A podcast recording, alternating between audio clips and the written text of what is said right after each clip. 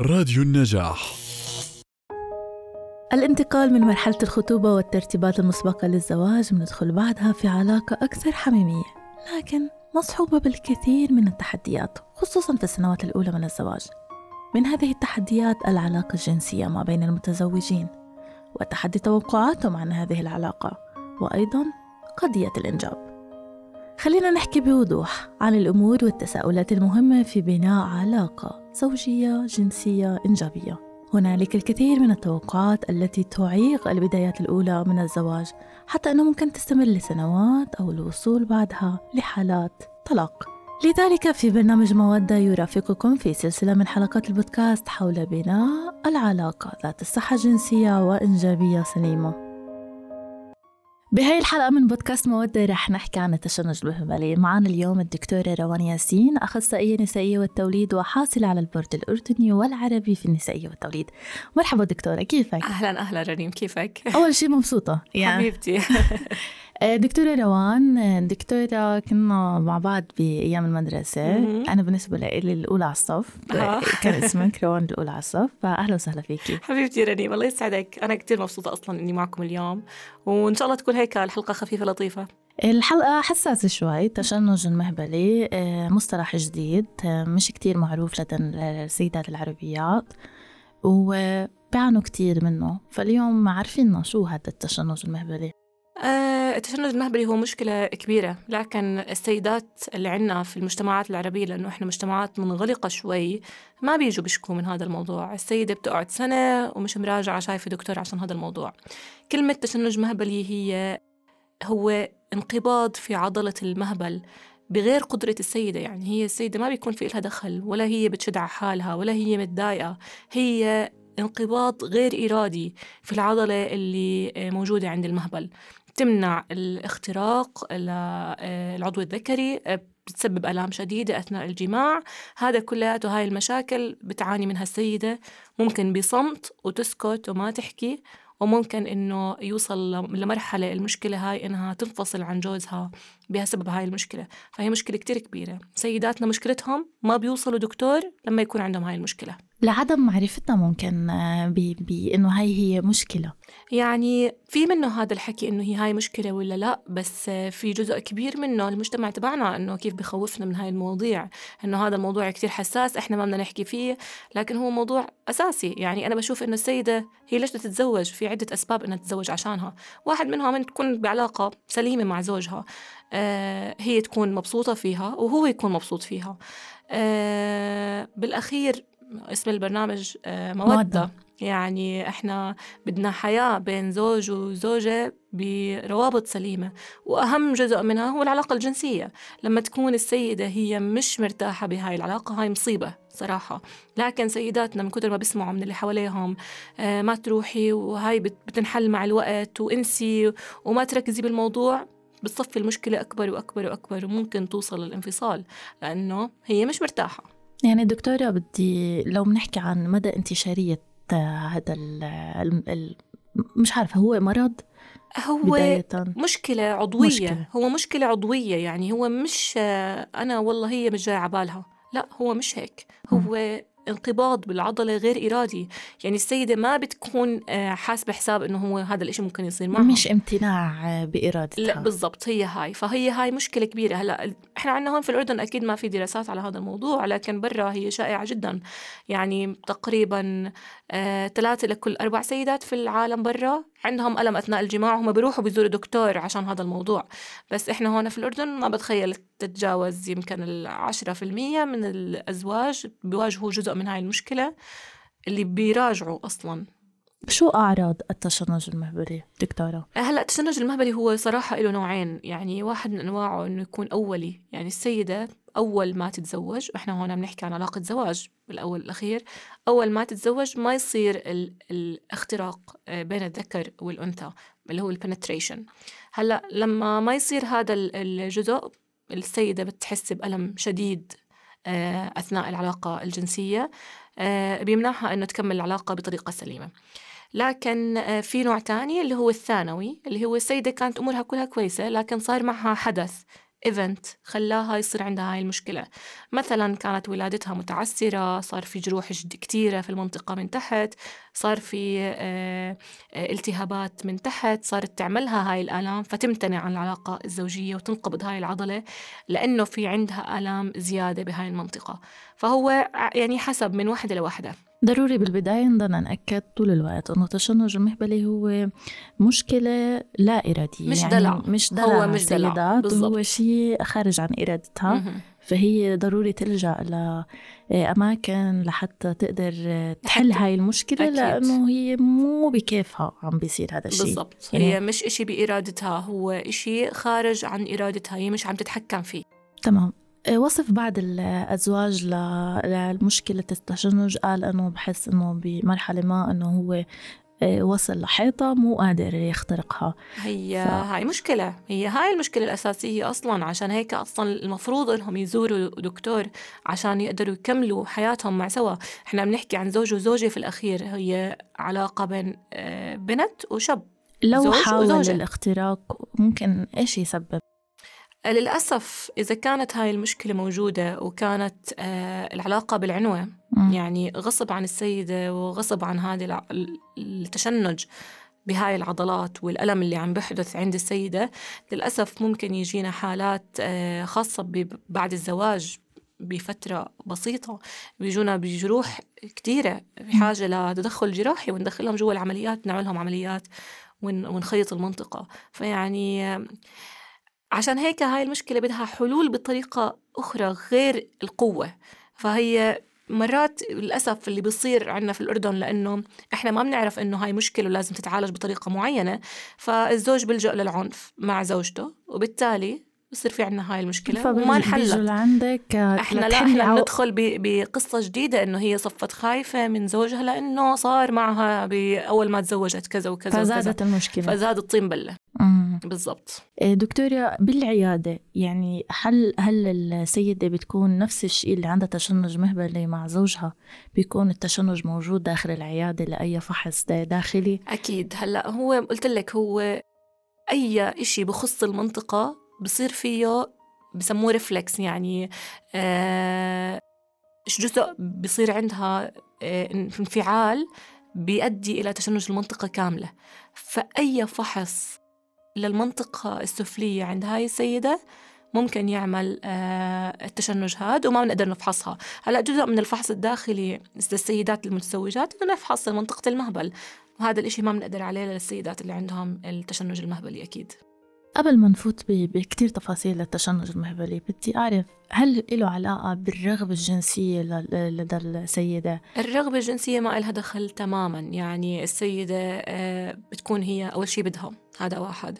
تاني إشي آه، قصة موضوع الرغبة الجنسية هو أكتر آه، يعني هي عندها هي عندها حب إنه يصير هذا الإشي ولا لا.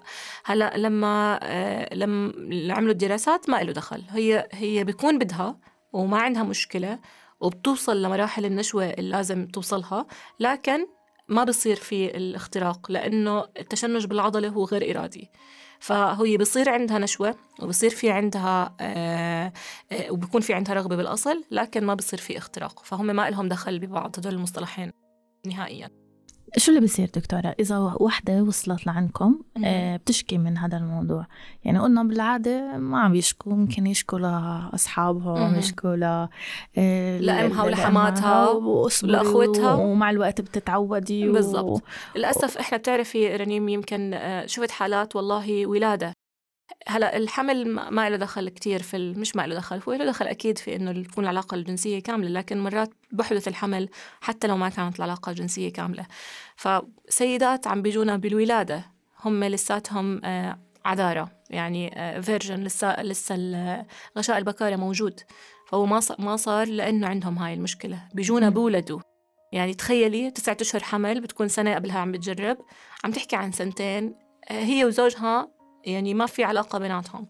تصفوني هيك بتحكي إنه يعني منيح جوزها متحملها. بس هي فعليا هي عندها مشكلة. هي لو لقت حدا يحل لها مشكلتها كانت أمورها كلها كويسة وما كانت دخلت بهاي القصة الطويلة اللي اللي وصلنا إنه إحنا عم نولد وعم نولد فيها وهي مش ما صار عندها العلاقة هاي. وبنفس الوقت يعني لو بترجع ما بعد الولادة نفس الشيء حترجع نفس المشكلة. نفس, نفس هلا المشكلة. ال- العامل النفسي جدا جدا له دور بحل هاي المشكلة. الس- مرات في آه، سيدات بتخوفوا من ما قبل الزواج بتكون قاعدة مرة تانية مع حماتها وإمها ومش عارف شو خوفوها وحيصير في ألم كثير أثناء الجماع وحيصير في نزيف و و. العامل النفسي بيخلي عندها ردة فعل عكسية هي ما بتقدر تتحكم فيها وبيعمل هذا الانقباض. في بعض السيدات إحنا بنضطر نولدهم آه، طبيعي تحت تخدير آه، نصفي اللي هو إبرة الظهر عشان تقتنع هي بمخها إنه هذا المكان هو بيقدر يمشي يطلع بيبي 4 كيلو أو 3 كيلو ونص. فهي لما تشوف هذا الايفنت مرات تتحسن بعدها. لكن طبعا مش كل السيناريوهات هيك للأسف. في سيناريوهات سيناريو بيجونا قبل هاي المرحلة قبل ما تيجي تحمل وتولد. يعني أنا بحكي لك حالات نادرة مم. اللي بتوصل لنا لمرحلة الولادة وما في علاقة بينها وبين زوجها. آه بس لما يجونا قبل أكيد في حلول وحلول كتيرة بتبلش نبلش فيها إحنا بالعادة step by step نبلش بأول خطوه اللي هي ال counseling يعني إحنا عم نحكي معها. بنحكي مع زوجها إحنا بنحكي مع couple اثنين لازم يكونوا موجودين مش بس هي. وبتحاولي تشرحي لهم أكيد شو لازم يكونوا الاثنين. موجودين. عشان هو يتقبل وهي تتقبل آه آه إنه في مشكلة على الأقل وإنهم الاثنين بدهم لازم يحلوها. واثنين جزء من من الحل. أكيد جزء مهم بالحل الزوج. طيب هلأ فينا أنا بعض الأسباب لها علاقة كتير بأمور الخوف والقلق يلي بي- بيسبق العلاقة مم. خصوصا عم نحكي عن بمجتمعاتنا العلاقة ال- بضل هيك في تخويف فيها وإنها مؤلمة وفي ناس راحوا على المستشفى وكذا وصعبة وهيك فبصير في حتى ذكريات من أيام المدرسة يعني البنت بتكون عندها تخوفات آه، هي عن- عندها بفلاش. باك بدماغها إنه كل شيء هذا هذا مشكلة هاي. يعني عشان هيك لازم يكون في تثقيف صراحة زي ما انت قلتي للمرحلة المدرسية بهذا الموضوع إنه صح أنا مش مع إنه آه، مش فكرة إنه نفتح عيون الناس لا بس في شغلات مهمة لازم يعملوا يعرفوها البنات والأولاد بمرحلة معينة من حياتهم بالمدرسة لأنه أي شيء. مغلوط من الطفولة بي- بيكمل معك يعني بالضبط بضل معك طول عمرك فبصير واحدة من المشاكل السيدات آه، إنه هي أصلا عندها يعني هذا المعلومة عندها إياها زمان صارت متأصلة يعني بالضبط ب- ب- هي كبرت معها ومش حتتغير مم. إلا إذا أنت عملتي إشي كتير major إشي كتير كبير عشان يغير هاي الفكرة السائدة اللي في مخها هل في أسباب أخرى ممكن تعمل تشنج المهبلي؟ قلت لك أنا في عنا نوع تاني ثانوي. هلأ الأولي معظمه 90% تقريبا من أسباب التشنج المهبلي الأولي اللي هي ال- الخوف والقلق والمهايش والشغلات والعلاقات النفسية. الأولى. والعلاقات الأولى. بالضبط الشغلات النفسية أكثر للجزء النوع الأول. النوع الثاني بيكون سببه هو قلت لك يعني هي كانت حياتها كل شيء طبيعية ما في عندها أي مشاكل فجأة صار في عندها حدث هذا الحدث خلى يصير عندها التشنج المهبلي. مثلا ولادة متعسرة آه، التهابات شديدة في الحوض آه، ولادتها ما كانت سهلة حطوا شفاط حطوا يعني بتكون خلص هي وسيدات كمان ما بعد الطمس؟ آه، والسيدات طبعا ما بعد الطمس لأنه آه، نسبة ال- الهرمونات اللي مساعدة على إنه تكون المنطقة رطبة تحت بتقل. بفترة انقطاع الطمث. مم. فبتخلي المنطقة آه، جافة. آه، فبتعمل بتعمل آلام أثناء الجماع. هذا الآلام بنعكس إنه يصير في عندنا انقباض بهذه العضلات الموجودة تحت. يعني مش بس للمتزوجات آه، حديثا لا، عم نحكي طبعاً. عن إشي أكبر من آه طبعا. من هذا الموضوع. مهم. احكينا طيب شو الآليات لتشخيص هذا المشكلة؟ وشو آليات العلاج؟ من لما بتوصل عندك للعيادة؟ وشو التحديات اللي أنتم بتواجهكم؟ هلأ التشخيص آه، قلت لك بدها تيجي هي تحكي لنا. هذا أهم إشي هي تحكي هي وزوجها عن المشكلة اللي عندهم. يمكن أهمية هاي الحوارات اللي إحنا عم نحكي فيها إنه يعرفوا إنه على الأقل إنهم هم لازم يروحوا مم. على دكتور عشان يشرح لهم إنه في مشكلة ويحاولوا يدوروا لها حل. أول خطوة للعلاج إنه نجيب الزوج والزوجة ونقعد نحكي معهم. يعني بنحكي معهم بنفهمها إنه هذا إشي طبيعي حاولي آه، اعملي بوضعيات معينة بطرق معينة استخدمي بعض المزلقات. ممكن هاي كتير إنها تساعد آه، على المواضيع. هلأ عشان أكون صريحة معك برا في ناس ممكن هدول الكابل أو ال- ال- الزوج والزوجة يلجأوا لهم. آه، زي الناس اللي مسؤولة عن الع- العلاقات الجنسية آه، الناس المسؤولة عن ال- العلاقات الشخصية بين ال- الزوج والزوجة. بيلجأوا لهم بيحلوا لهم هاي المشكلة. ال couple therapy وال sexual couple therapy. هم هدول. هلا صراحة رنيم انت قلتي لي قبل الحلقة إنه في ناس آه، مسؤولة عن هذا الحكي في الأردن. أنا صراحة شخصيا ما بعرفها. يمكن واحد من أهم بتخيل لازم انت كتير ت stress على هذا الموضوع لأنه كتير مهم إنه إحنا نعرف وين نودي المرضى. يعني مش موجودين. هذا حيكون دورنا بمودة آه، كمنصة عم تقدم هاي الرعاية الصحية والجنسية والإنجابية. إنه مين المختص؟ كم... لأنا كمتزوجين عندنا مشاكل. هي مش عم نحكي عن قصص آه، دائما هي أمراض هي مشاكل. وين نروح إن شاء الله نقدر آه، نعمل هذا اللينك ما بين وحتى ما بين المختصين مثل العيادات النسائية. إحنا دائما إحنا من الأسف بنواجه هاي المشكلة أول ناس أطباء النسائية لأنه آه، عميدة تروح على دكتور النسائية. هي طبيعي. ما بتكون عارفة إنه إحنا فعليا مرات كتير إحنا بس بالخطوة الأخيرة إلنا دخل. بعد ما تكون مرت على الدكتور على فلان وفلان وفلان وفلان اللي هم الشيء الأساسي اللي يساعدها قبلنا قبل ما حتى توصلنا. آه ف فبتضطروا تلموا الدور كله. بالضبط. نضطر إنه إحنا نبلش من ال zero للآخر. نضطر إنه إحنا نعمل ال counseling اللي هو الحوار مع الزوج والزوجة إنه نقنعهم إنه كل شيء تمام يستخدموا وضعيات معينة في العلاقة الجنسية يستخدموا بعض المزلقات بعض المسكنات آه، الموضعية ممكن يستخدموا آه، خلال العلاقة. ممكن تحسن الأمور شوي. أو بالاحرى ممكن تحسن الأمور كثير إذا كانت هي آه، مستوعبة إنه هذا الأمور يعني العلاج وارد ونسبة نجاحه عالية. جدا عالية. 90% من الحالات بتنحل بالحكي وبال آه، بالكونسلنج وبإنه كيف تعمل وضعية العلاقة آه، بشو الأشياء اللي تستخدمها جوا العلاقة. كتير نسبة نجاحها عالية. هلأ إذا ما زبطت هاي الستب نروح ستب تانية. هلأ آه في إشي بيستخدموه برا اللي هم بسموها الموسعات المهبلية. هاي عبارة عن قطع بتنحط في المهبل بأحجام معينة بتبلش فيها السيدة بأحجام صغيرة وبتكبرها مع الوقت. بتحاول تعمل آه، زي ما تقولي تمرين للعضلة هاي إنه هي تتوسع. لكن للأسف أنا هاي الأدوات ما عمري شفتها في الأردن مثلا. فإحنا بنلجأ عشان أكون صريحة معك في الأردن لاساليب تانية جدا حسب اللي موجود. الاشياء موجودة بالعيادات حاليا؟ هلأ إحنا بنبلش معهم أول شيء بتمرينات آه، عضلات الحوض آه، اللي هم ال Kegels exercise هدول التمارين بنعلمها كيف تعملهم عشان ترخي عضلات الحوض. ما زبطت هاي ال step بنروح للستب اللي بعدها إنه إحنا زي ما قلت لك قبل شوي السيدة إذا حست إنه أو فهمت بمخها إنه في إشي ممكن يدخل هاي المنطقة آه وما يصير في مشكلة آه ممكن يساعدها كتير. هلا إحنا ممكن نستخدم أشياء أدوات عندنا في العيادات. آه توسع المنطقة مش توسعها أو على الأقل يعني هي نفس مبدأ الموسعات المهبلية إنه إحنا نستخدم قطعة معينة إنه هاي القطعة تشوف إنه هي هاي القطعة بتدخل بهاي المنطقة وتستوعب إنه ما صار عندها مشكلة. وقد إيه تترك القطعة هاي؟ يعني إحنا أنا إحنا بنستخدمها بالعادة تحت التخدير العام، نعمل تخدير خفيف ونعمل هاي العملية خاصة للمتزوجين آه، مش حديدا المتزوجين جديد وما صار penetration بالمرة آه وما صار علاقة جنسية في المرة ممكن نستخدم هاي الطريقة تحت التخدير العام إنه نحاول نحل المشكلة ونحط هاي القطعة فالمريضة بعد ما تصحى هيك بنص ساعة تستوعب إنه هي صحيت وإنه في كان إشي جوا بنقدر نشيله. مم. فهي من نفسيا ممكن تتحسن على هذا الموضوع. وإيش في أساليب أخرى كمان؟ هلأ في آه البوتوكس.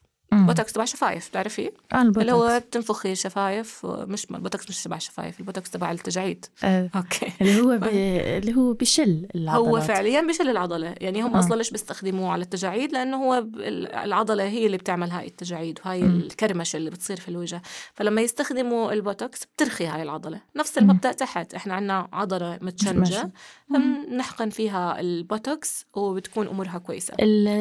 البوتوكس بالعيادة نفسها بعيا ولا ما هو المريضة هاي مش قادرة تنفحص يا رنيم يعني آه. إحنا مش قادرين نفحصها بتخيلي كيف حتكون آه، فحص هو المفروض آه. ينحط بالعيادة عشان أكون آه. صريحة معك لأنه هي procedure كتير سهلة يعني هو إبرة بنحطها في المهبل آه على موقعين أو ثلاث مواقع في المهبل بتكون أمورها كلها كويسة المفروض تنعمل بالعيادة لأن هي procedure سهلة لكن السيدة مش حتسمح لك تفحصيها مم. فإحنا مرات كتير بنضطر نعملها تحت التخدير العام آه.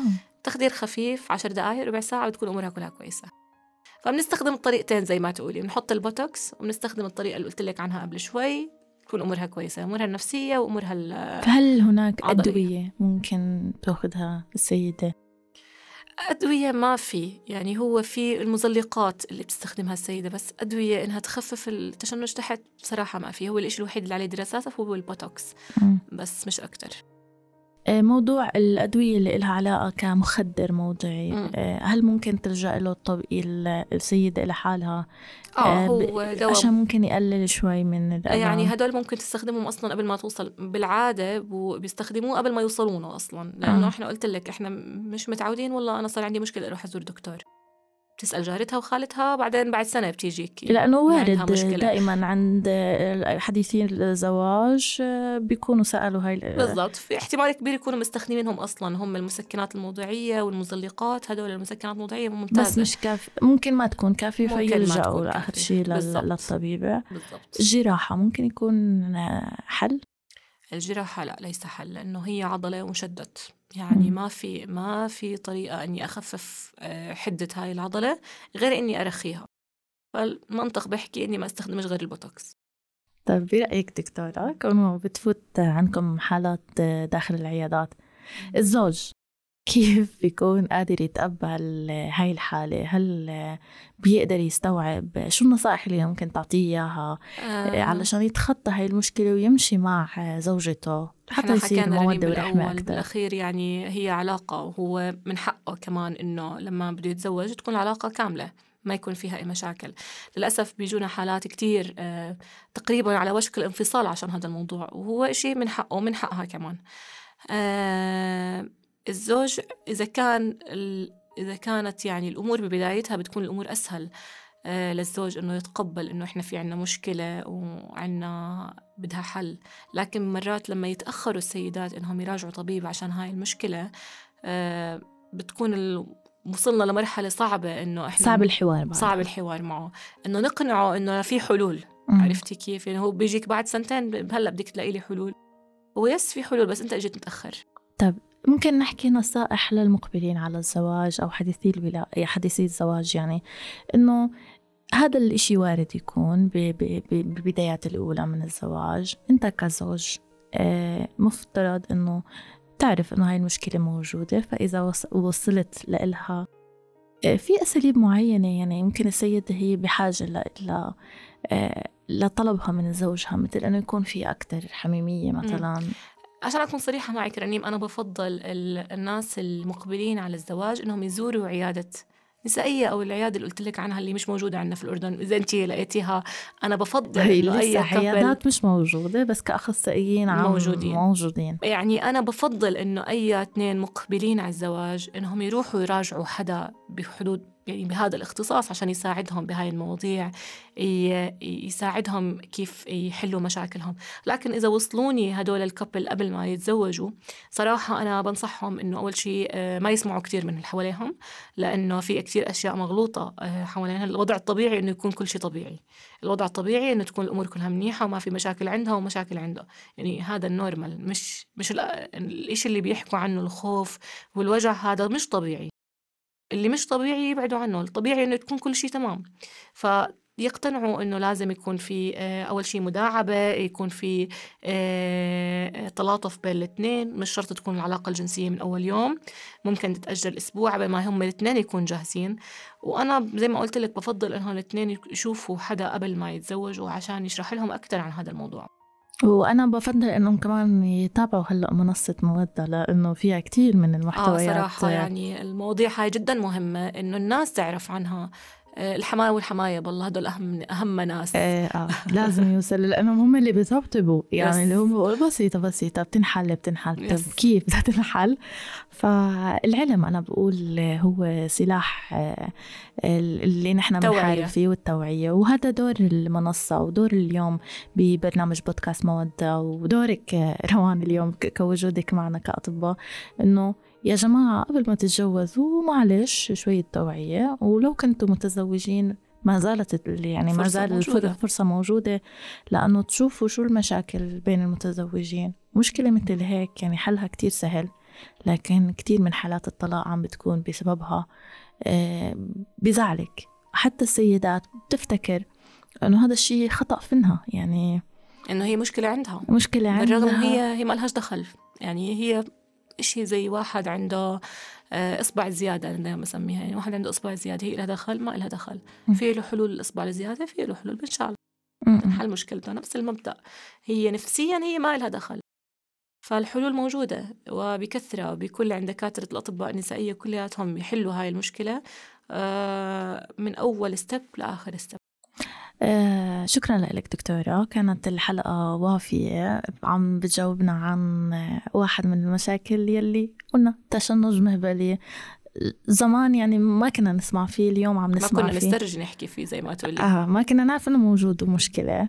صح. آه ومثل ما أنت قلتي آه الأزواج عادة بيستسهلوا الموضوع بإنه من حقه فيتركها مع إنه كان ممكن شوية طبطبة وشوية علاج آه كان حتكون المودة آه ورحمة حقيقي بهاي العلاقة اللي إحنا بهمنا أنها تكون آه مستدامة. بالضبط. فشكرا لك دكتورة. مبسوطة بالحوار معك و- ومبسوطة مستمعينا بأنكم عم تسمعونا كل يوم ببودكاست مودة فيما يتعلق ببناء علاقة ذات صحة جنسية وإنجابية. رح نكمل معكم بمزيد من الحلقات. زورونا على منصة آه، مودة dot org واسمعونا على راديو نجاح. مستمعينا هنالك مسائل كثيرة فيما يتعلق ببناء علاقة ذات صحة جنسية وإنجابية. سنكملها خلال سلسلة بودكاست مودة للمزيد أعزائي زوروا منصة مودة dot org لقراءة المزيد حول الصحة الجنسية والإنجابية. لا تنسوا تسمعونا على حساباتنا SoundCloud، Spotify، Google Podcast و Apple Podcast ومن خلال زيارة موقعنا النجاح dot net كان هذا بودكاست مودة معي أنا رنيم ومن الهندسة الإذاعية أسامة صمادي. إلى اللقاء.